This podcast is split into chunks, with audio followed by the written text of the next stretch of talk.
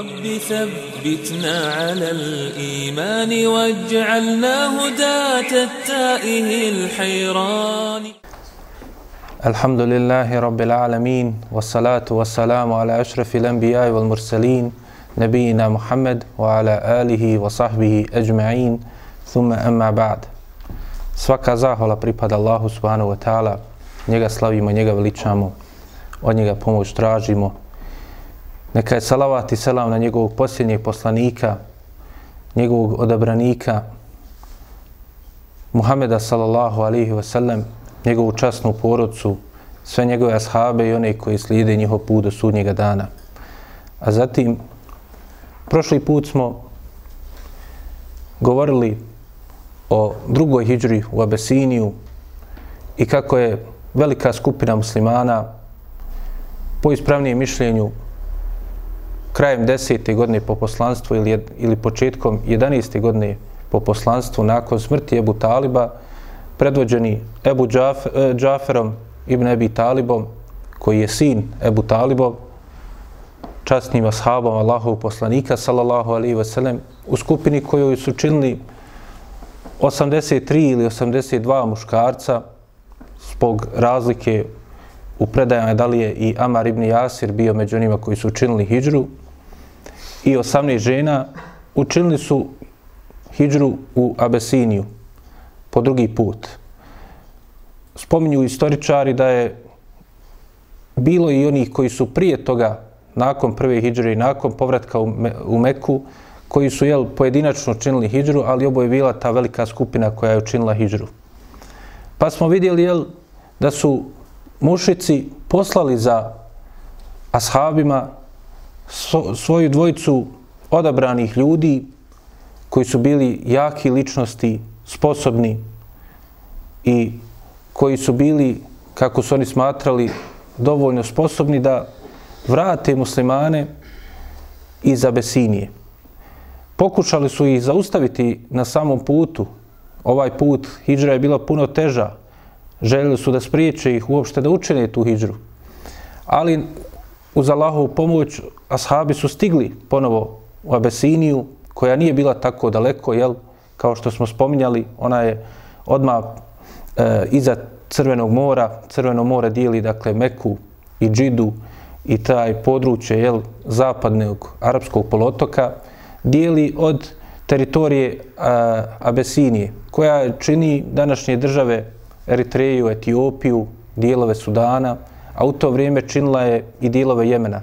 Kao što smo to vidjeli iz kazivanja o Ebrahi, dakle onom vledaru eh, Abesinskom, koji je htio da uništi Kabu prije rođenja Allahov poslanika, sallallahu alaihi ve sellem, da je on došao iz Jemena. Pa dakle, ashabi su učinili hijđru u Abesiniju i tamo su, alikum sanatu, našli sebi utočište. Spominje se da je jedna skupina iz Jemena, predvođena Ebu Musaom, El Ešarijem, iz plemena El, El Ešari, učinili također hijđru u Abesiniju.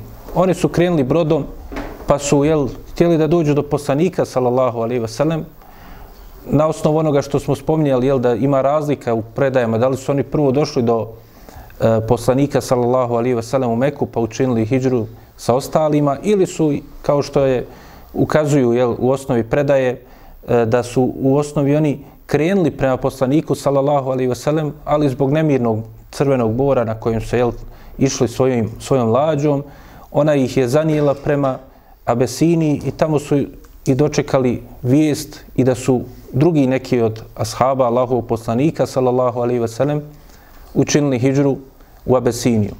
I oni će zajedno sa Džaferom, Ibn Abi Talibom i velikim dijelom ove skupine, kao što smo također spomenuli, dakle, neki od tih koji su učinili tu drugu hijđru, vratit će se prije hijđre u Medinu, Allahovog poslanika, sallallahu alaihi veselem, i muslimana iz Mekke.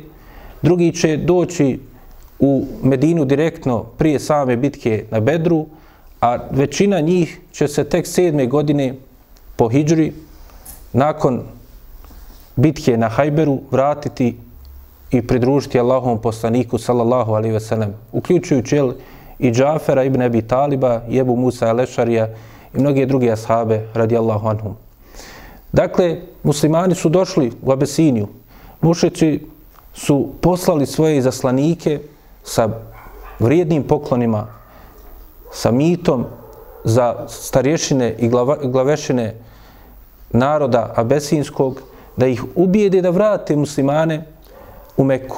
Što ukazuje, jel, kao što smo spominjali, da je to veliki dokaz da u osnovi sukob koji je bio između poslanika sallallahu alaihi ve sellem i ashaba s jedne strane, dakle muslimana s jedne strane i mušrika sa druge strane, koji su bili od jednog naroda, iz Mekke, iz plemena Kuriš, iz istih porodica, da to nije bio sukob između ličnosti, sukob e, na nekoj plemenskoj osnovi, na nekoj jel, E, njihovoj e, nacionalnoj osnovi, nego je bio sukob između vjere i nevjere, to jest između islama i njihovog širka. Dakle, da, su, da je njihovo neprijateljstvo preraslo i prevazišlo te granice njihovog plemena, njihove porodice, njihovog mjesta, nego je bilo, pojenta bila njihova da odbrane, kako su oni mislili, svoju vjeru, a u stvari nevjeru, taj svoj širk. Jer su željeli da spriječe time što će ih vratiti muslimane iz Abesinije, da se islam širi, da dođe vijest do ljudi o islamu, da vide jel, i prepoznaju šta je u istinu islam, da svojom propagandom, kao što smo spominjali, negativnim e, konotacijama o poslaniku, sallallahu alihi veselem, o ashabima, žele su da kažu da je islam, da je to nešto što je nastrano, što je neispravno, što je e, ili sihr, ili laž, ili podvala, razne dakle metode koje su koristili da bi ljude odvratili uošte da čuju o islamu, da slušaju Kur'anu. Plačili su ljude da išta čuju o Kur'anu. Ne bili, jel, e, kako su oni govorili, da ne bi slučajno onda do, doživjeli da, da budu jel, opsihreni tim govorem kako su oni govorili. A također su jel, pokušavali onda i fizički da vrate ih zato da ne bi jel, došlo do kontakta između drugih naroda i muslimana i da se onda raširi vijest o islamu. Pa jel njihovo zlostavljanje muslimana, njihova nemoć koju su pokazali kroz sve te metode, da se suprostave istini. Nisu imali silu argumenata, nego im je ostale samo argumenti sile, razni vidovi sile i nasilja koji su primjenjivali iz zlostavljanja. Na kraju je to se ja vratilo ka, sa kontraefektom, da je to opet bilo u korist islama i muslimana. Jer su muslimani došli do Abesinije, došli su jel, do, vlast, do, do države u kojoj su mogli da praktikuju islam, a iz druge strane da šire vijest o islamu, da predstavlja islam na najbolji način. Pa i samo to slanje te dvojice, a to su bili Amr ibn Las i Abdullah ibn Abi Rabija, na kraju je bilo negativno za njih. Zato što na kraju se iz tog dijaloga koji smo videli, kojeg će voditi Džafer ibn Abi Talib i kojeg je vodio Džafer radijallahu anhu kao govornik ispred ashaba i ove dvojice zaslanika, mušrika, pred Neđašijom, vladarom Abesinije, na kraju je bio plod toga da je on na kraju Neđašija podržao muslimane i da je to bio povod čak i da on primi islam. Što ukazuje, jel, da kada ljudi istinski spoznaju islam i kada im se na lijep način prikaže i pokaže šta je u istinu Allahova vjera, teško je da to čista srca mogu odbiti. Osim onih, jel, koji su zaprljani i zaprljali svoja srca sa raznim strastima i sa raznim sumnjama.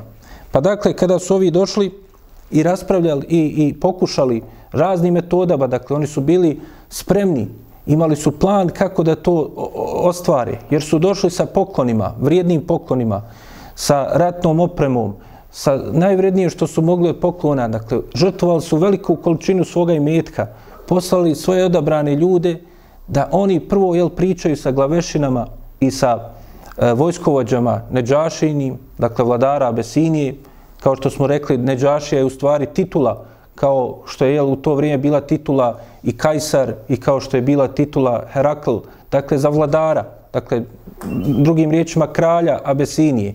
To je bio jel, naziv je riječ koju su koristili za nju.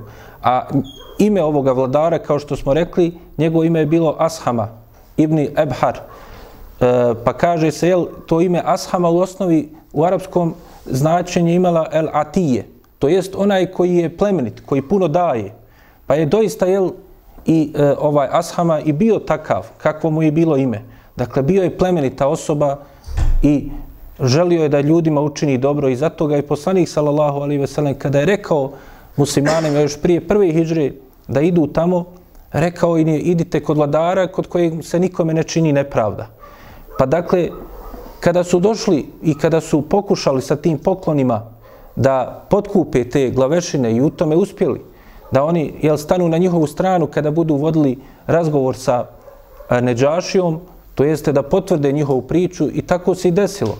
Pa su oni kada su ispričali da su to momci koji su, jel, kako su oni njih opet, jel, kroz vi taj negativne propagande, da se, dakle, ne pruži prilika ovo što je da oni iznose, iznesu ono što imaju kod sebe, nego da se, jel, u samom startu spriječe da išta iznesu od onoga što zastupaju. Dakle, da se stvori jel, negativna slika, da se naprave predrasude o tim osobama. Uvijek se jel, te metode, kao što vidimo, i koriste. Dakle, uvijek se jel, ističu neke negativnosti, prave predrasude određenim pojedincima koji predstavljaju islam ili koji su muslimani u osnovi, da ljudi uošte ne bi čuli šta ljudi ti zastupaju. Da bi se jel, u samom startu napravila jel, jedan otklon prema njima i spriječilo ih da oni dostave ljudima i prikažu islam onaka kakav jest. Pa tako su ovi mušici, jel, tako i postupili. Pa su, jel, potkupili te vojskovođe i glavešine koji su podržali njihovu priču da su to mladići, maloumnici koji su, jel, e, došli sa nekim čudnovatim idejama, koji su napustili, kaže, svoju vjeru, ali nisu ušli u vašu vjeru, koji su došli o nekoj, s nekom vjerom o kojoj niko od vas nema ništa, nema veze s njom, ne zna kakva je to vjera. A naše, kaže, glavešne, to jest vođe plemena Kurejiš, vođe mušika, kaže, oni znaju najbolje kako postupiti s njima i kakva je ta njihova vjera, kako joj se suprostaviti, pa pusti ih da ih vratimo svojoj kući. Dakle, nemoj, kaže, uošte priča s njima. Pa kaže, Neđašija se okrenuo tim svojim glavešinama, svojim vojskovođama, kaže, šta vi mislite? S jedne strane, kaže, imao te glavešine i vojskovođe, kao što je običaj bio na dvorima, a s druge strane, pošto je on bio kršćanin, imao je, jel, i svoje sveštenike kao savjetnike sa druge strane. Pa kaže, okrenuo se i pitao te glavešine, vojskovođe, dakle, e, te svoje podređene i najbliže saradnike, kaže, šta vi mislite o tome? Pa su oni i pod uticajem onoga što su rekli ova dvojica iz aslanika plemena Korejiš i njihovih poklona, rekli, kaže, u pravu su u svojoj priči, oni ne treba ovo što priča s njima, pusti neki vode sa sobom, da oni ne bi to širili kod nas, tu svoju jel, nastranu ideju koju su, sa kojom su došli. I, I te sve čudnovate i pokvarene ideologije, vjeru novu koju, sa kojom su došli ovdje na naše područje. No međutim, jel, kao što smo rekli, Neđaša je bio plemeni čovjek. I spominju učenjaci da je on i poznavao i arapski jezik, zato što je događaj koji su prethodili njegovoj uspostavi njegove vlasti, njegovom preuzimanju trona u Abesiniji, Dakle, i kao što smo vidjeli da su neki od prethodnih vladara bili veliki nepravednici, poput Ebrahe. Dakle, u tom periodu dok je poslanik, sallallahu alaihi ve sellem, odrastao od godine slona, kada je Ebraha propao i njegova vojska i do pojave poslanika Muhameda sallallahu alejhi ve sellem kao poslanika i slanja objave njemu od Allaha uzvišenog i do tog perioda dolaska ashaba do Abesinije, u tom periodu jel, u Abesiniji su bili nemiri. Sada spominju se neke predaje da je bilo ratova, da je e, Neđašija bio protjeran kao mladić koji je pripadala vlast, pa se bio sklonio među Arapima. U svakom slučaju ti detalji nisu nam pouzdano preneseni, ali sigurno je bilo tih jel, eh, dakle, previranja u Abesini. s obzirom jel, šta je se desilo njihovom velikom vladaru Ebrahi kada je pokušao jel, da uništi Kaabu. I to je moralo imati svoje posljedice. Pa dakle, kažu, Ebraha je podučen jel, tim iskustvom kako je nepravedno narod prema njemu postupao i pr prema predrasudama jel, eh, postupao prema njemu i odnosio se, onda je on želio da sasluša i drugu stranu. A i znao je i poznavao Arape, kakvi su i, i poznavao je njihov jezik, njihovu kulturu, Pa je želio da čuje i šta ovi drugi imaju reći. To jeste muslimani. Pa je rekao, tako mi, je, e, tako mi Boga, jel, tako mi Allaha, rekao je, kaže, ja neću tako postupiti sve dok ne čujem i njihovu stranu. Šta oni imaju reći? Pa dakle, primjer čovjeka koji jel, pravedno postupa, iako je jel, nevjernik, iako je kršćanski vladar, on pravedno postupa kao što ga je opisao Allahu poslanik sallallahu alaihi ve sellem. Pa kad, kada je pozvao sahabe da dođu, oni su odlučili između sebe i Džafer je se istakao da će on biti taj koji će govoriti. A sahabi su ga upitali šta će reći, pa je on rekao da će reći istinu. Kao što smo i rekli, dakle, Allah uzvišeni će pomoći svoju istinu. Nema potrebe da se bilo šta manipuliše, da se bilo šta izokreće. Rećemo istinu onako kako jeste, ali ćemo je prikazati onako u najljepšem svjetlu, u skladu s onim kako će nas razumiti, znajući kome se obraćamo. Pa je dakle Džafer ibn Ebi Talib se posebno istakao u tom, u tom događaju, zato što je on bio prvi koji je mimo arapskog naroda predstavljao islam. Dakle, prvi islamski daja, misionar, koji je došao među ljude koji nisu muslimani, koji su, jel, koji nisu e, čak ni od arapskog naroda, koji nisu, dakle, ni bili na vjeri arapskog, onoga na, sa, sa čim su bili stanovnici Mekke, to jest bili su kršćani. Dakle, prvi koji se obraća jednoj takoj skupini. Prije njega Ebu Zer al-Gifari koji smo spominjali i Tufel ibn Amr al-Dausi, oni su otišli u svoje plemena, pleme Gifar, pleme Dausi na području Jemena, otišli su i pozivali ih jel, u islam, pa će doći sa skupinama onih koji će e, dakle, primiti islam. Ali to su bili ljudi od Arapa koji su bili na onome na čemu su bili stanovnici Mekke. Ali dakle, u ovoj situaciji Džafer se prvi put obraća ljudima koji su bili na vjeri knjige, to jeste imali su prethodne objave koji su im dolazili. Poznavali su i Tevrat, poznavali su Inđil, koji su objavljeni prije toga Musao i Isao, ali i Sanam. Pa dakle, bilo je po, morao se jel, na drugačiji način pristupiti njima. I to je jel, jedna od velikih temelja u, u, u onome što učenjaci govore o, pi, o misionarstvu islamskom i pozivanju i predstavljanju islama, da se islam predstavi u skladu sa onim kome se obraćaš. Pa se, jel, nećeš istim stilom, istim sredstvima, istim metodama predstavljati islam onima koji su jel, od sledbenika knjige i onima koji su jel, od mušrika. Zato je poznat slučaj Muaza ibn Džebela kada ga je poslanik sallallahu alaihi ve sellem, kao što ćemo inšala to vidjeti, kada dođemo do tih događaja, kada je pred kraj jel, islama, poslao ga u Jemen da poziva ljude. Pa je rekao, kaže, doćeš stanovnicima Jemena koji su jel, od ehlu kitabija, dakle pripadnici knjige, Dakle, oni imaju nešto od knjige, nešto od znanja, pa drugačije ćeš s njima pričati nego što se pričalo sa mušicima. Drugačije se poslanik, sallallahu alaihi ve sellem, obraćao jevrejima u Medini šala, kao što ćemo vidjeti, a drugačije je od onoga što je govorio i radio u, u periodu dok je bio u Mekki sa svojim narodom. Pa dakle, zbog toga vidimo jel, veličanstvene poruke koje je poslao Džafer ibn Ebi Talib, zato što je on opet u svemu tome, kao što je i poslanik sallallahu alejhi ve sellem kada je rekao Muazu, iako dolazi jel pripadnicima knjige, prvo što ćeš ih pozvati biće da obožavaju Allaha uzvišenog, da ispoljavaju njemu tevhid, da mu nikoga ne pridružuju ibadetu. I zbog toga kada je Neđaši upitao Džafera ibn Abi Taliba šta je to što vi pozivate, o čemu se radi, onda je on opisao ukratko u nekoliko rečenica suštinu islama, suštinu onoga o čemu se radi taj sukob. Pa je rekao da su oni, dakle u džahilijetu, u predislamskom periodu, u tom periodu neznanja, periodu bez objave, obožavali kipove, činili širk Allahu uzvišeno. Dakle, prvu stvar koju mu je na, rekao, rekao je da su oni imali širk kod sebe. Najvažnija stvar. Uzrok svakog dobra je tevhid s jedne strane. Svaka dobra stvar, sve vrijednosti vraćaju se na tevhid Allahu uzvišeno. Neodvojive su od toga. Ne, neminovno je da onaj ko ima kod sebe tevhid, da ima i dobar moral, dobar ahlak, da stremi ka velikim stvarima, vrijednim stvarima, dobrim stvarima, a također s druge strane neminovno da sve ostali grijesi, sva ostala zla potiču od širka. Nije da narod, Allah uzvišeni, kada ističe neke od njihovih stvari razvatra, razvata kojeg su imali kod sebe grijeha, prije svega se ističe da su oni bili mušici, da su činili širk Allahu uzvišenom, da su utjerivali u laž svoje poslanike. Pod kojim stvarima? Po pitanju tevhida Allaha uzvišenog.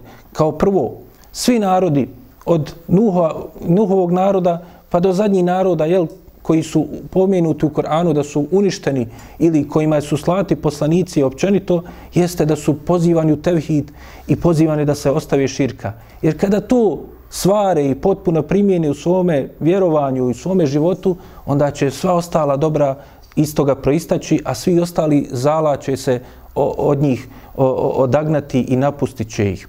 Pa tako je El Džafer onda spomenuo da su oni bili narod koji je bio u džahilijetu, koji je obožavao kipove, obožavao lažna božanstva, da su jeli, dakle, e, kaže, strvinu, to jest, jeli su haram hranu. Također onda je spomenuo da su onda, jel, nakon što je spomenuo, dakle, širk, obožavanje kipova, onda je počeo nabrajati ona zla koja su iz toga proizilazila. Da su jeli strvinu, da su s druge strane radili razvrat, dakle razne vrste razvrata kao što smo to vidjeli jel, iz onog perioda predislamskog kojeg smo spominjali grijehe i vrste e, griješenja koja su bila prisutna u Mekiji, da su prekidali rodbinske veze, da nisu poštovali komšije, da se onda pojavljivo nepravda, jer iz najveće nepravde koja, koja je u stvari širk, onda su i ostali nepravde proizilazile. Pa kaže, oni veliki jaki su jeli, kaže, oni mali i e, nemoćni među nama. To jest, činili su nepravdu jaki onima slabima među nama. A onda kaže, mi smo bili u tome pa se pojavio Allaho poslanik sallallahu alihi wasallam, pa nas je, kaže, pozvao da, obo, da obožavamo Allaha uzvišenog. Dakle, pozvao nas je, kaže, da njega samo obožavamo i da ostavimo sva ona obožanstva koja smo obožavali mimo Allaha uzvišenog.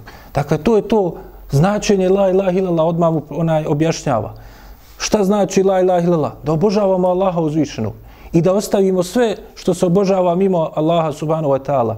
Indirektno, jel, vodeći računa šta ima od širka pri neđaši i kršćanima očento od toga što obožavaju Isa ali i sanam, on indirektno jel, njega već uvodi u to da da mu predstavi da mora da obožava Allaha subhanahu wa ta'ala, da ne smije obožavati nikoga mimo Allaha uzvišenog. Pa makar se to radilo i o plemenitim e, poslanicima Allahovim kao što je bio Isa alihi sanam.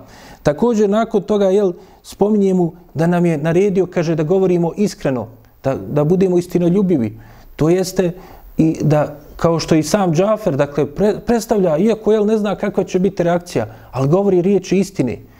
Kao što smo spominjali, dakle, kao što Ibn Kesir jel spominio onom ajetu Ja ju heledina amenu ittakullaha wa kunu ma'a sadiqin kaže, ovi koji vjerujete, bojte se Allaha i budite sa onima koji su iskreni, kaže, označenja toga ajeta to jeste da onaj koji bude sa iskrenima, koji bude težio ka istini, težio ka istinitom govoru, kaže, Allah će ga pomoći, daće mu izlaz.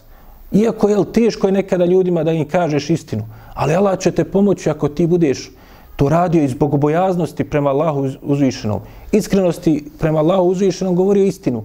Da ljudima jel, predstaviš ono što je od Islama, ali u skladu sa jel, ovim vakim normama kao što je Džafer ibn Abi Talib. Dakle, koristeći odgovarajuću metodu, koristeći odgovarajući način obraćanja prema svakoj od tih osoba i sa poštovanjem jel, i uvažavanjem. Pa dalje kaže Džafer ibn Abi Talib kada je također naredio nam je da ispolja, da ispunjavamo svoje emanete, da poštujemo svoje komšije, da e, također jel, da održavamo rodbinske veze i zabranio nam je sve stvari koje su jel, nevaljale, koje su e, štetne po nas e, i da štitimo život jedni drugi. Također zabranio nam je sve vrste razvrata i loše govora. Pa dakle, vidimo kako je Džafar ibn Abi Talib u nekoliko rečenica pojasnio mu i one stvari koje su oni poznavali, a istovremeno mu je naglasio važnost tevhida i opasnost širka i da su to jel, temelji, tevhid, temelj dobra, a širk temelj zla. Pa mu je onda spomenuo vrste dobra i vrste zla, koje su i oni priznavali, koje su jel, sve nebeske vjere priznaju, da pozivaju u, dakle, da se ne čini razvrat, da pozivaju i iskren govor, u istinit govor, da pozivaju da se ispunjavaju emaneti, također jel, da se održavaju rodbinske veze, da se poštuje komšija. To su jel, univerzalne vrijednosti.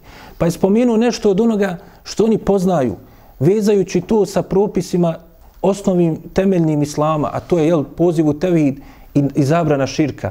Pa nakon toga kada je to čuo, e, dakle, e, Neđašija, također Džafera ibn Abi Talib mu je spominuo i neki od, onda i od ibadeta. Dakle, vezo je onda uz te vrijednosti koje oni priznaju, vezo je one vrijednosti koje su malo poznate kod njih, ali koje su iskrivljene. Poput namaza, poput zekata, kao što smo rekli, jel, namaz je i prije noći Israja Mirađa bio propisan dva put dnevno. Pa dakle, bilo je namaza, kao što i u prethodnim vjerama, bilo je oblika namaza propisani, ali je jel, kroz vremena i iskrivljavanje ti vjera, iskrivljavanje ti ibadeti. Zekat, ovdje se misli jel, na sadaku općenito, kao što smo spominjali. Pa dakle, spominute su jel, te neke osnovni e, stvari islama, u predajama se kaže onda je nabrojano još neke stvari. Pa kaže, nakon toga kada je Neđašija to čuo, tražio je, kaže, dajte mi nešto iz Kur'ana da čujem. Iz te vaše, jel, e, nebeske objave, što, što govori o, o tome šta vi pozivate. Pa je Džafer ibn Abi Talib opet odabrao odgovarajuće ajete koje ćemo citirati.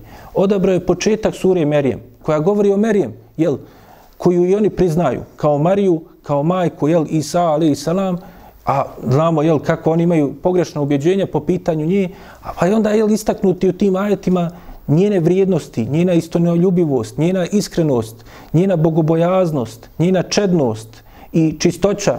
Pa kada je to čuo Neđašija, kaže, zaplakao je i on, a i oni njegovi sveštenici, oni su svi zaplakali. Natopili su, kaže, svoje brade sa svojim suzama, kada su čuli te veličanstvene ajete. Dakle, kao što smo spominjali, Neđašija iz toga se razumije jel, da je on razumio Kur'an, da je razumio arapski jezik, pa dakle, onda su, jel, uh, da li on ili neko drugi je onda i njegovim sveštenicima pojašnjavao šta znače ti ajeti. E, nakon toga, jel, kada je to sve čuo, onda je on pustio Džafera ibn Abi, ibn Abi Taliba i ostale ashabe da ostanu u njegovoj zemlji, da i niko neće naštetiti.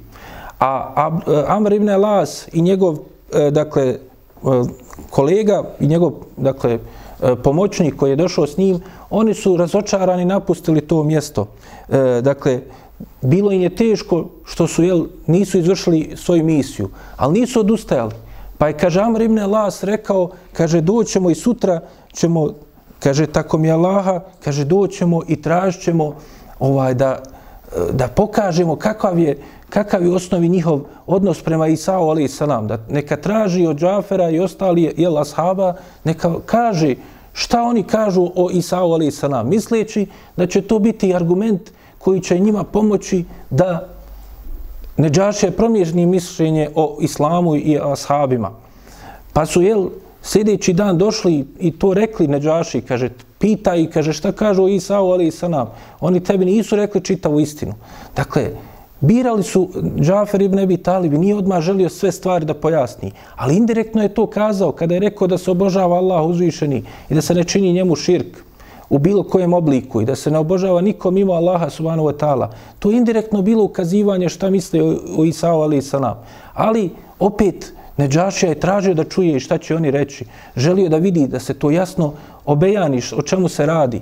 Pa je Džafer ibn Abi Talib ponovo došao, a sahabi su se prepali koji su bili s njim, šta sad reći? Jer kada se jel to jasno i iz, izrekne, možda će biti žestoka reakcija od strane Neđašije i oni koji su sa njim. No međutim, kada je upitan Džafer ibn Abi Talib šta kaže o Isau alaih salam, on je rekao, neću ti reći osim ono što nam je rekao Allah uzvišeni u svojoj objavi i njegov poslanik što nas je podučio, da je Isa alaih salam sin Merjemin, čedne djevice koja je dakle, zanijela s njim, a da nije imala nikakvog odnosa i kontakta sa muškarcima, da je on Allahova riječ, to jeste riječ budi, on bude, kao što je rekao i za Adem, ali i salam, i dio duše koje Allah uzvišen i udahnuo u nju. Pa kaže, to je što ono kažemo za njega, da je on Allahov rob i njegov poslanik. Kada je to čuo, tražio je ponovo Neđašija da čuje nešto od objave koji govori o tome. Pa je onda spomenu ajete i sure Merijem također, E, Džafer u kojima se upravo govori o tim stvarima. Da je, dakle, Isa ali salam, da je on Allahov poslanik, njegov rob i da je on, dakle, Allahova riječ koju on udahnuo u Merijemu i kaže kada je to čuo Neđašija, kaže uzo je jedan komad drveta koji je bio kod njega pored njegovog trona i kaže uzo je i počeo da udara tim drvetom i govoreći, kaže doista je to istina kao što je ovo drvo istina i ne može biti drugo osim drvo, tako i to ne može biti ništa drugo osim da je Isa, Allahov robi, njegov poslanik. Kada je čuo te veličanstvene ajete koji govore o tome, kada su to čuli sveštenici, nije bilo pravo, počeli su gunđati, ali je, kaže, Neđašija ostao čvrst na tom svom stavu i nije se poljuljao uprkos jel, njihovom gunđanju. I rekao, vi šta god rekli, ja ostajem na tome što sam rekao. Poslije spominju učenjaci, dakle, nakon toga je da je on, dakle, istoričar spominju da je e, Neđašija dao poklone koje su donijeli, dakle, i za njega lično i za, dakle, ostale tražio je da se vrate ti pokloni Abdullah, e, Amru ibn Lasu i da vrate to u Meku, da kaže nema potrebe za vaše poklone, a što se tiče ashaba, da oni mogu ostati i živjeti tu koliko god hoće i da praktikuju svoju vjeru u slobodi. Poslije toga spominju se u nekim predajama oko kojih je njihovi vjerodostojnosti ima razilaženja da je, dakle, nakon toga kada se raširila vijest od strane sveštenika njegovih, jel, Neđašini, da su raširili vijest da je e, Neđašija primio islam i da on je odmetnuo se od njihove vjere.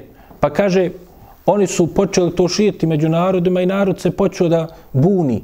Pa spominje se da je došlo do nekog rata u samom društvu zbog toga. Allah najbolje zna te predaje dakle, koje govore o tome e, su slabe, ali sigurno je bilo reakcije. Pa između ostalog, se spominje dakle da je nakon toga pošto je Neđašija se počeo družiti sa Džaferom i Nabi Talibom i ostalima sahabima i privatno jel, saznavati o islamu, da je nakon toga on e, tražio od Džafera ibn Abi Taliba da mu napiše rači, šehadet ešhedu en la ilaha illallah wa ešhedu en Muhammed Rasulullah i dodatak da je Isa Allahov rob i e, e, njegov poslanik i Allahova riječ koju je udahnuo u Merijem i da to, jel, taj papirić stavi u svoje, u svoj grtač. Pa kaže, kada su došli, dakle, ti sveštenici sa skupinom naroda koji se bunio i rekli, je li istina vladaru da se ti odmetnu svoje vjere, pa je on rekao, otkud vam to? Pa kaže, čuli smo da ti huliš Isa, ali i salam, jel, Isa, kako su oni govorili, Allahovog sina, ne uzubila, pa kaže, kada je to čuo Neđaši, onda je on iskoristio to, jel, i rekao, vi znate šta je u, u mome srcu. A misleći, jel, na taj papirić koji se nalazio tu. Jer nije mogao javno izaći i izreći da je on, e, dakle, e, primio njihovu vjeru.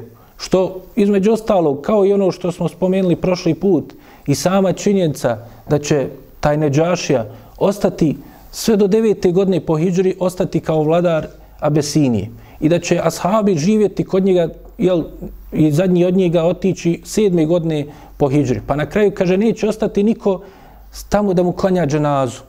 Ostaće jel, sam Neđašija kao musliman. A dakle, prekriveno će biti musliman.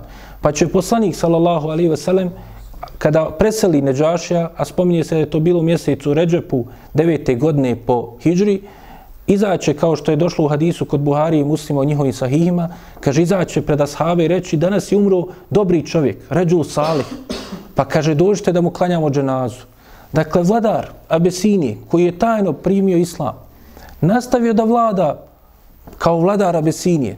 Dakle, nije poslanik, sallallahu alaihi ve sellem, iako ćemo vidjeti da je slavo pisma, iako su bili prisutni ashabi, nikada mu nije rekao da on mora promijeniti dakle, napusti tu vlast, nikada mu nije rekao da on mora silom uspostaviti šerija tu ili tome slično. Dakle, u takvoj nužnoj situaciji, kada je on bio nemoćan da promijeni, dakle, vlast, iz toga učenjaci izvlače zaključak, jel, da u takvoj situaciji, kada je neki vladar nemoćan, nije sposoban, nema mogućnosti da uspostavi šerijat, da je onda on opravdan što onda on pokušava u skladu sa svojim mogućnostima da umanji zlo.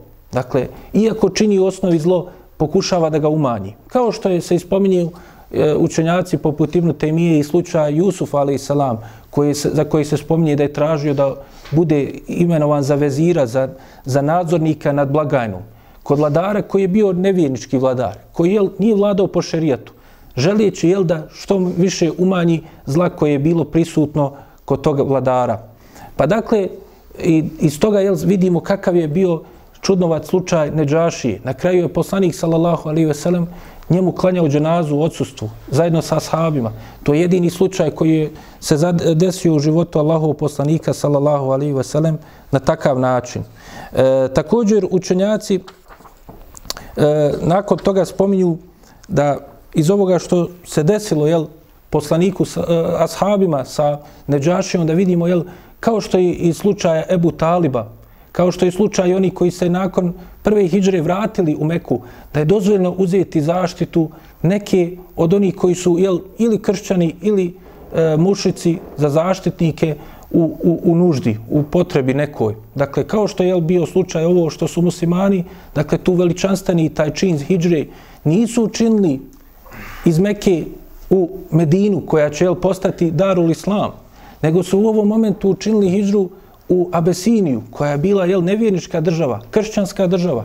Učinili su hijđru, bježali sa svojom vjerom u daru kufr, u zemlju jel, koja je zemlja nevjerstva, ali u kojoj je pravedan vladar, koji im omogućava da primjenjuju islam. I činjenica kaže da su oni sedam godina proveli u u, u, u, dakle, do sedme godine po Hidžri, e, dakle, proveli e, u Abesiniji, to jeste neki od njih su proveli deset godina u Abesiniji, govori da kada su oni tamo promijenili to društvo i uticali u velikoj mjeri da promijene tog društva. Što kažu učenjaci, jel, kakav treba biti odnos muslimana? Dakle, da bude ustrajan i postojan u svojoj vjeri. Od samog momenta, kao što spominju jel, u ovim predajama koje govori o dolasku Džafera ibn Abi Taliba i Ashaba pred Neđašiju, spominje se također jedan moment, a to je da kada su oni došli kod njega, od običaja je bilo da se, jel, da se E, napravi oblik sežde, jel, kao poštovanja, izraz e, ukazivanja nužnog poštovanja tom vladaru, e, pa su, jel, ashabi kada su došli kod Neđaše, to nisu radili, nego su mu nazvali selam. Pa kaže, Amr ibn Las je rekao, pogledaj, kaže, oni ne poštuju vas. Neće da jel, padnu na seždu. Pa je Džafer ibn Abi Talib rekao, mi ne padamo na seždu nikome osim Allahu uzvišenom. Pa dakle, oni su mijenjali to društvo. Oni su jel, pokušavali koliko su god mogli da utiču na to društvo. Kao što kažu učenjaci, jel, ako je tako sa jednim takvim društvom, sa jednim jel, takvim prisustvom u nekoj sredini koja nije islamska, da čovjek jel, u skladu sa svojim mogućnostima praktikuje svoju vjeru, ne odstupa od nje. Kako bi onda trebali da budu naša druženja, naša sjela, u kojima jel, umjesto da budemo mi ti koji ćemo da mijenjamo, znači i među nama i sa našim narodom i sa našim porodcama, da se tu jel, budu neke lijepe stvari, neke korisne stvari na tim sjelima, upušta se jel, u stvari koje predstavljaju griješenje Allahu subhanahu wa ta'ala, u stvari koje jel, čovjeka odvode od Allaha uzvišenog. Umjesto da čovjek jel, bude uzrok da ljudi se približe Allahovoj subhanahu wa ta'ala vjeri. Također, e, iz ovoga što se desilo jel, i što je opisao Džafer ibn Abi Talib, vidimo koliko jel, i u današnjem vremenu su društva slična tadašnjim društvima.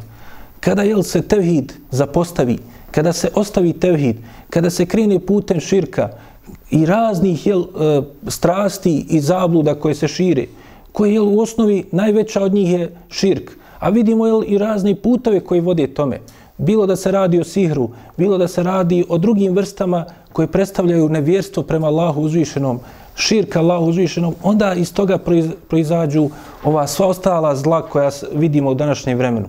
I dakle, taj javni razvrat i dakle, javno griješenje Allahu subhanahu wa ta'ala, to je samo posljedica ostavljanja tevhida i rada po tom širku e, i tim jel, stvarima koje su predstavljaju zavlodu i nepokornost Allahu subhanahu wa ta'ala. Što kažu učenjaci, iz ovoga vidimo jel, kako su ashabi kroz taj svoj tevhid, dakle, praktično ga pokazali. Jer sama hijđra predstavlja jel, veliko dijelo. Zbog čega? Zbog toga što je čovjek radi zaštite svoje vjere, radi zaštite svoga, prije svega vjerovanja, svoje akide, a to je jel, to, taj tevhid, onda su oni praktično bili spremni da sve žrtvuju na tom putu. Napustili su i svoje porodce i svoje mjesto, a to nije bilo bilo kako mjesto, to je Meka, naj, najvrijednije mjesto kod Allaha subhanahu wa ta'ala, naj, najbolje mjesto kod Allaha uzvišeno na, ovoj, na, na ovom dunjalku. Napustili su ga da bi zaštitili sa, taj svoj tevhid. I također, jel, i ovaj način kako je Džafer ibn Abi Talib sa sahabima ostalima iskreno, istinoljubivo nastupao, govori jel taj praktičnu primjenu tevhida. Dakle, nije radi straha, ni jednog momenta, bojeći se šta će uraditi. Jel s jedne strane taj vladar, on je vladar, mogo je nje on tu kazniti zbog toga kako nastupaju. Dakle, a s druge strane mogo je jel, ispoštovati namere koje su imali mušici iz Mekke, da ih vrati tamo. Pa jedno i drugo jel, bilo bi veliko zlo za njih. Ali zato što su bili iskreni, zato što su bili postojani radi Allaha uzvišenog, onda je Allah uzvišeni pomogao i još dao dakle, da sam taj vladar primi islam. Nisu se oni mogli tome nadati od samog starta. Nisu oni to ni, ni očekivali. Ali dakle, nakon što je čuo islam, o islamu i nakon što je vidio njihov nastup i kako su prikazali Allahovu vjeru, onda je i sam jel, taj vladar koji nije bilo lako primio islam. Vidjet ćemo jel, slučaj Herakla, koji je također kada je pričao sa Ebu Sufjanom, koji je tad bio mušrik, ali znajući da je došao pred vladara pa je morao da govori istinu, da jel, ne bi izgubio ugled i da ne bi oka, okaljao ugled e, dakle, Arapa, onda kada je Herakl sve to čuo i kada je potvrdio da je to istina i da je to dokaz da je doista Allahu poslanik Muhammed sallallahu alaihi ve sellem došao sa istinom i objavom, onda je ipak se pobojio šta će narod reći. Pa izašao pred njih i pitao je šta oni kažu o tome. Pa kada su rekli kako ćeš ti promijeniti svoju vjeru i tako dalje, onda je on samo rekao ja sam htio da vas testiram šta bi vi uradili, kako bi postupili. Pa dakle, prepo se za svoj položaj, za svoj ugled. Pa dakle, nije tio ni tajno da primi islam kao što je ovdje, jel, Neđašija uradio. Također, jel, od interesantnih slučaja koji se vežu za ovu hijđru samu, jeste i slučaj toga što je Dakle, Allahov poslanik, sallallahu alaihi ve sellem, kao što ćemo to vidjeti kasnije, nakon što je preselila Hatidža radijallahu anha, a on jel, za života njenog, nije oženio ni jednu drugu ženu na nju, dakle, ali nakon toga je oženio neki od žena, jel, i jedna od njih koju je oženio bila je Remla, dakle, koja je bila e, e, uh, čerka Ebu Sufjana i poznata kao Umu Habiba. Također, jel, ona je bila od onih koji su primili islam i koje su učinili hijđru. Po pitanju nje se spominje da njen suprug Ubejdullah ibn Jahš radijallahu anhu kaže se, poznato je kazivanje da je on se, kada je došao u Abesiniju, jel, pod uticajem kršćanstva, da je tamo odmetnuo se od Allahove vjere. Kao što spominje imam Ahmed u Fadailu, Sahabe i, i drugi, no međutim, e, ta predaja je slaba i nije vjerodostajna, nego je uh, Ubejdullah ibn Jahš bio jedan od onih ashaba koji su preselili tamo. Neki jel, u tom dugom periodu će i preseliti tamo, neka od djece će se čak ashaba roditi u Abesini. Pa u hadisu koji bilježi imam Ahmed i Nesai se spominje da je poslaniku e, sallallahu alaihi ve sellem poslao pismo Neđaši u kojem je tražio da on ga oženi sa Umu Habibom. Pa je dakle Neđaši je bio veli I dakle, kao vladar, on je bio zastupnik e, Umu Habibe i on je, dakle, ne samo da je oženio, nego je on platio i mehr, jer je čak on dao i veći mehr nego što je poslanik, sallallahu alaihi ve sellem, davao, koji je davao 400 dirhema kao mehr, on je platio 4000 dirhema za nju mehr. Također je opremio, dakle, na njegovom dvoru, kod njegovih jel, žena, dakle, ona je opremljena i poslata poslaniku sallallahu alaihi wasallam sa Šurahbilom ibn Hasanom.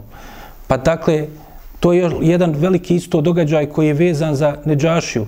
Kako je poslanik sallallahu alaihi wasallam imao povjerenje u njega, da on bude veli, I, dakle, Allahovom poslaniku sallallahu alaihi ve sellem. I također, e, što iz toga se jel, izvlači, vidimo kako, iako je Abu Sufjan bio jel, živ, otac od e, dakle, Umu Habibe, e, ali u tom momentu on je bio jel, mušik, jedan od predvodnica, predvodnika mušika, pa on dakle nije mogao biti veli, kao nevjernik nije mogao da bude veli, pa je onda poslanik sallallahu alaihi ve sellem odabrao dakle da Neđašija bude veli, što je potvrđuje ovo što smo prethodno govorili da je on kao vladar, da ga je poslanik sallallahu alejhi ve sellem tretirao kao legitimnim vladarom, dakle da je on imao ulogu i preuzimao to ulogu jel, velija kada nije imao neko drugi od porodice da tu ulogu preuzme. S druge strane, Amr ibn Las, koji smo prethodno spominjali, koji je bio u ovim momentima jedan najžešći, kao što ćemo vidjeti i za Ebu Sufjana i neke druge, vidjet ćemo jel, i doći inšala kazivanje o tome kako će na kraju isti taj Amr ibn Las zajedno sa Haldom ibn Velidom primiti islam i doći Allahom poslaniku sallallahu alaihi ve sellem u Medinu da primi islam nakon e, sporazuma na Hudejbiji i prije oslobođenja Mekke. Pa dakle, Amr ibn Las, iako je bio jedan od najžešćih u borbi protiv islama, dakle, istako se u ovoj prilici, u velikoj jel, prilici je bio da našteti žestoko muslimanima, kao što su jel, neki drugi, poput Ebu Sufjana i Halda ibn Velida, dosta naštetili muslimanima. Na kraju, on je doista bio ta jaka ličnost. Jer će on biti jedan, ne samo da shava Allahov poslanika, sallallahu alaihi veselem, nego će on voditi čak i vojsku koja će osloboditi Egipat. Biće namjesnik Egipta i bit će jel, veliki vojskovođa i veliki e, namjesnik u istoriji Islama. Također, ovdje jel, treba naglasiti i neka e, druge primjere koji se vežu za ovu hijđru. A to je jel, primjer Ebu Bekra radijallahu anhu. E, predaje koje govori o Ebu Bekru, dakle, koje su došle također kod e, imama Hakima u Mustedreku i e, kod imama Ahmeda u njegovoj knjizi Fadailu Sahabe, dakle, knjiga o vrijednostima sahaba, spominje se da je Ebu Bekr također izašao da učini hijđru Abesiniju. Ne spominje se tačno da li je to bilo u prvoj ili drugoj hijđru, ali, dakle, dobio je dozvolu od poslanika, sallallahu alejhi ve sellem, zbog svih onih događaja koji smo spominjali vezano za život Ebu Bekra, da je bio izložen velikom mučenju i velikom zlostavljanju, ali je svo vrijeme jel, se isti, isticao da bude među prvima koji će braniti islam, predstavljati islam i biti prvi govornik koji će braniti javno jel, u Meki, biti koji će pozivati ljude u islam i mnoštvo ashaba koji su njegovim sebebom primili islam i preko njega. Pa dakle, tu su mušici mu posebno zamirili i zlostavljali ga. Pa je on želio da ode. Krenuo je na put, izašao je čak iz Mekke. Pa je sreo jednog mušika također, kojem je ime bilo Ibn Daginne. Taj čovjek je bio uglednik svoma, svoga plemena. E, e, I kaže, kada ga je sreo, pitao ga gdje je krenuo. Ebu Bekr, njemu je teško bilo. Valja ostaviti Allahov poslanika, sallallahu alaihi ve sellem. Od prvog dana Islama nije se odvajao od njega. Nije mu to lako bilo. Ali došlo do takve situacije da je morao. Pa kaže, upitao ga Ibn Darine, kaže, gdje si krenuo? Pa kaže, veličanstvene riječi ovaj mušrik potvrđujući jel, istinitost. Isto ono što je rekla Hatidža radijallahu anha Allahom poslaniku nakon što mu je objava došla. Kaže, rekao mu je kada je rekao Ebu Bekr da je morao da napusti Meku, da, da je krenuo da učini Hidžru Abesiniju, kaže, zato što ga njegov narod zlostavlja, kaže, onda je rekao mu Ibn Daline, kaže, takav čovjek poput tebe, on kaže, niti odlazi, niti on može istjerati, kaže. Ti si čovjek, kaže, koji je poznat po dobru, kaže, koji pomaže slabi, slabe ljude, koji e, pomažeš istinu, koji pomažeš i podržaješ dobro i pravdu, pa kaže, takvi ljudi se ne mogu istirati, koji održava rodbinske veze, koji poštuje svoje komšije. Iste one stvari koje, su, koje, koje je prethodno rekla Hatidža radijallahu anha za njegovog jel, najvećeg prijatelja, Allahov poslanika Muhameda sallallahu alaihi ve sellem.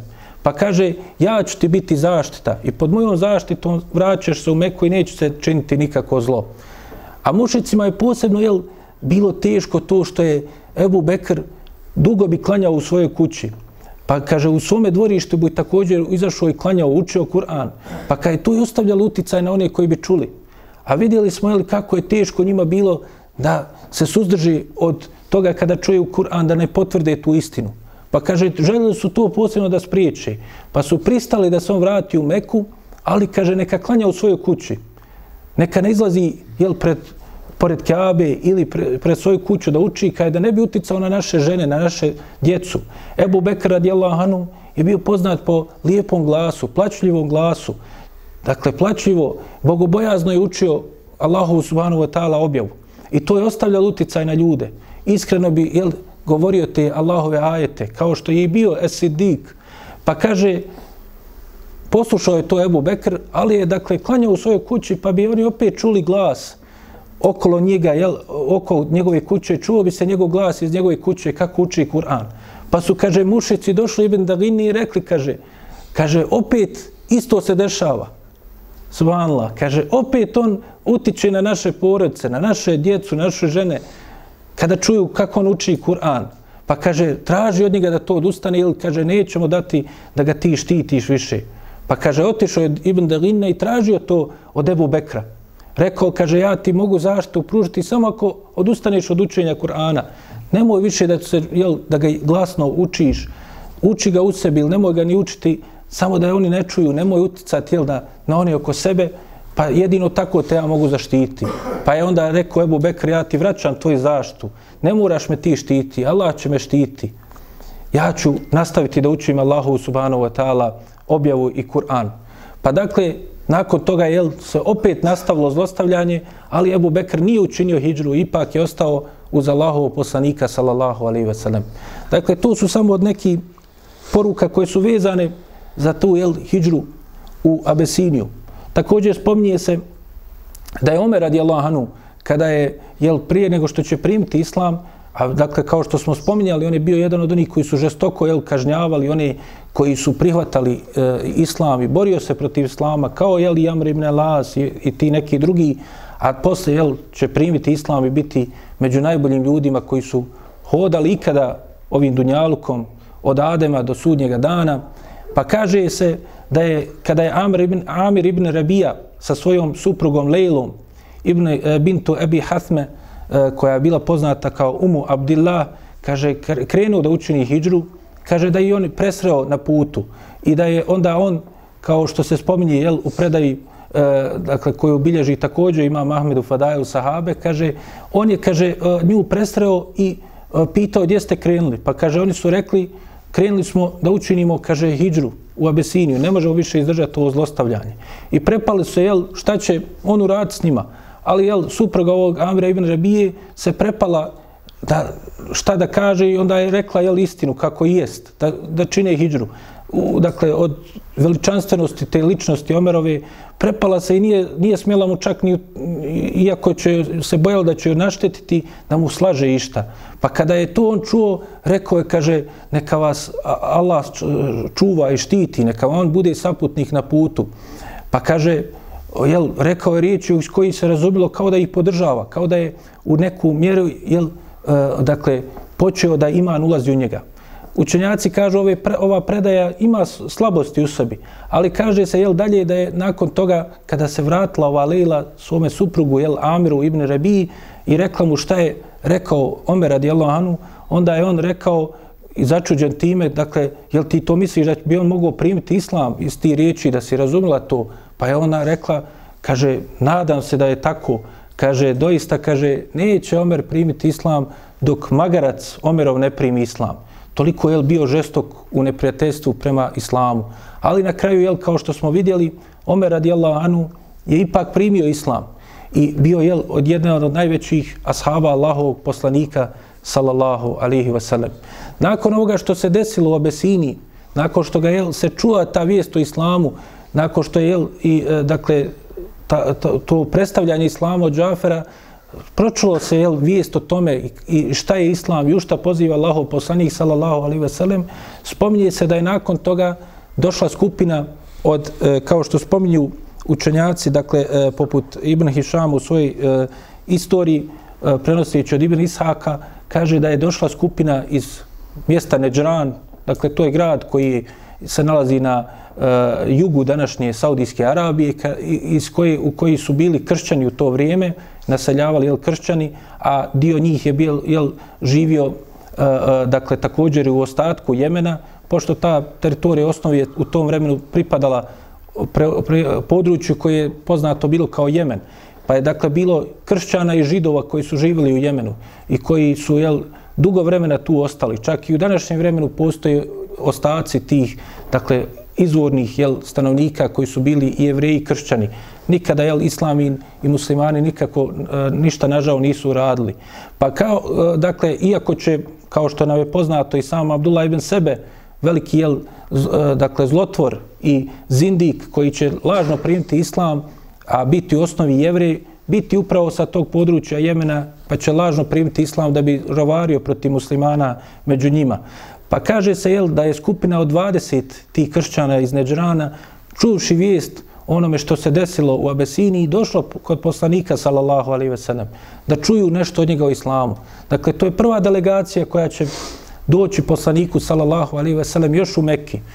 To kada će kada vidi Ebu Džehl i kako je, kakva je njihova reakcija na ono u što poziva poslanik sallallahu alejhi ve sellem, počeće da i psuje, da i vrijeđa kaže, vi ste, kaže, najgori ljudi, kaže, vaš narod vas poslo da vi upoznate šta, kakve laži govori ovaj čovjek, a vi, kaže, postali sabejci, to jest, jel, primili tu vjeru Allahovog poslanika Muhameda sallallahu alaihi ve sellem, primili islam.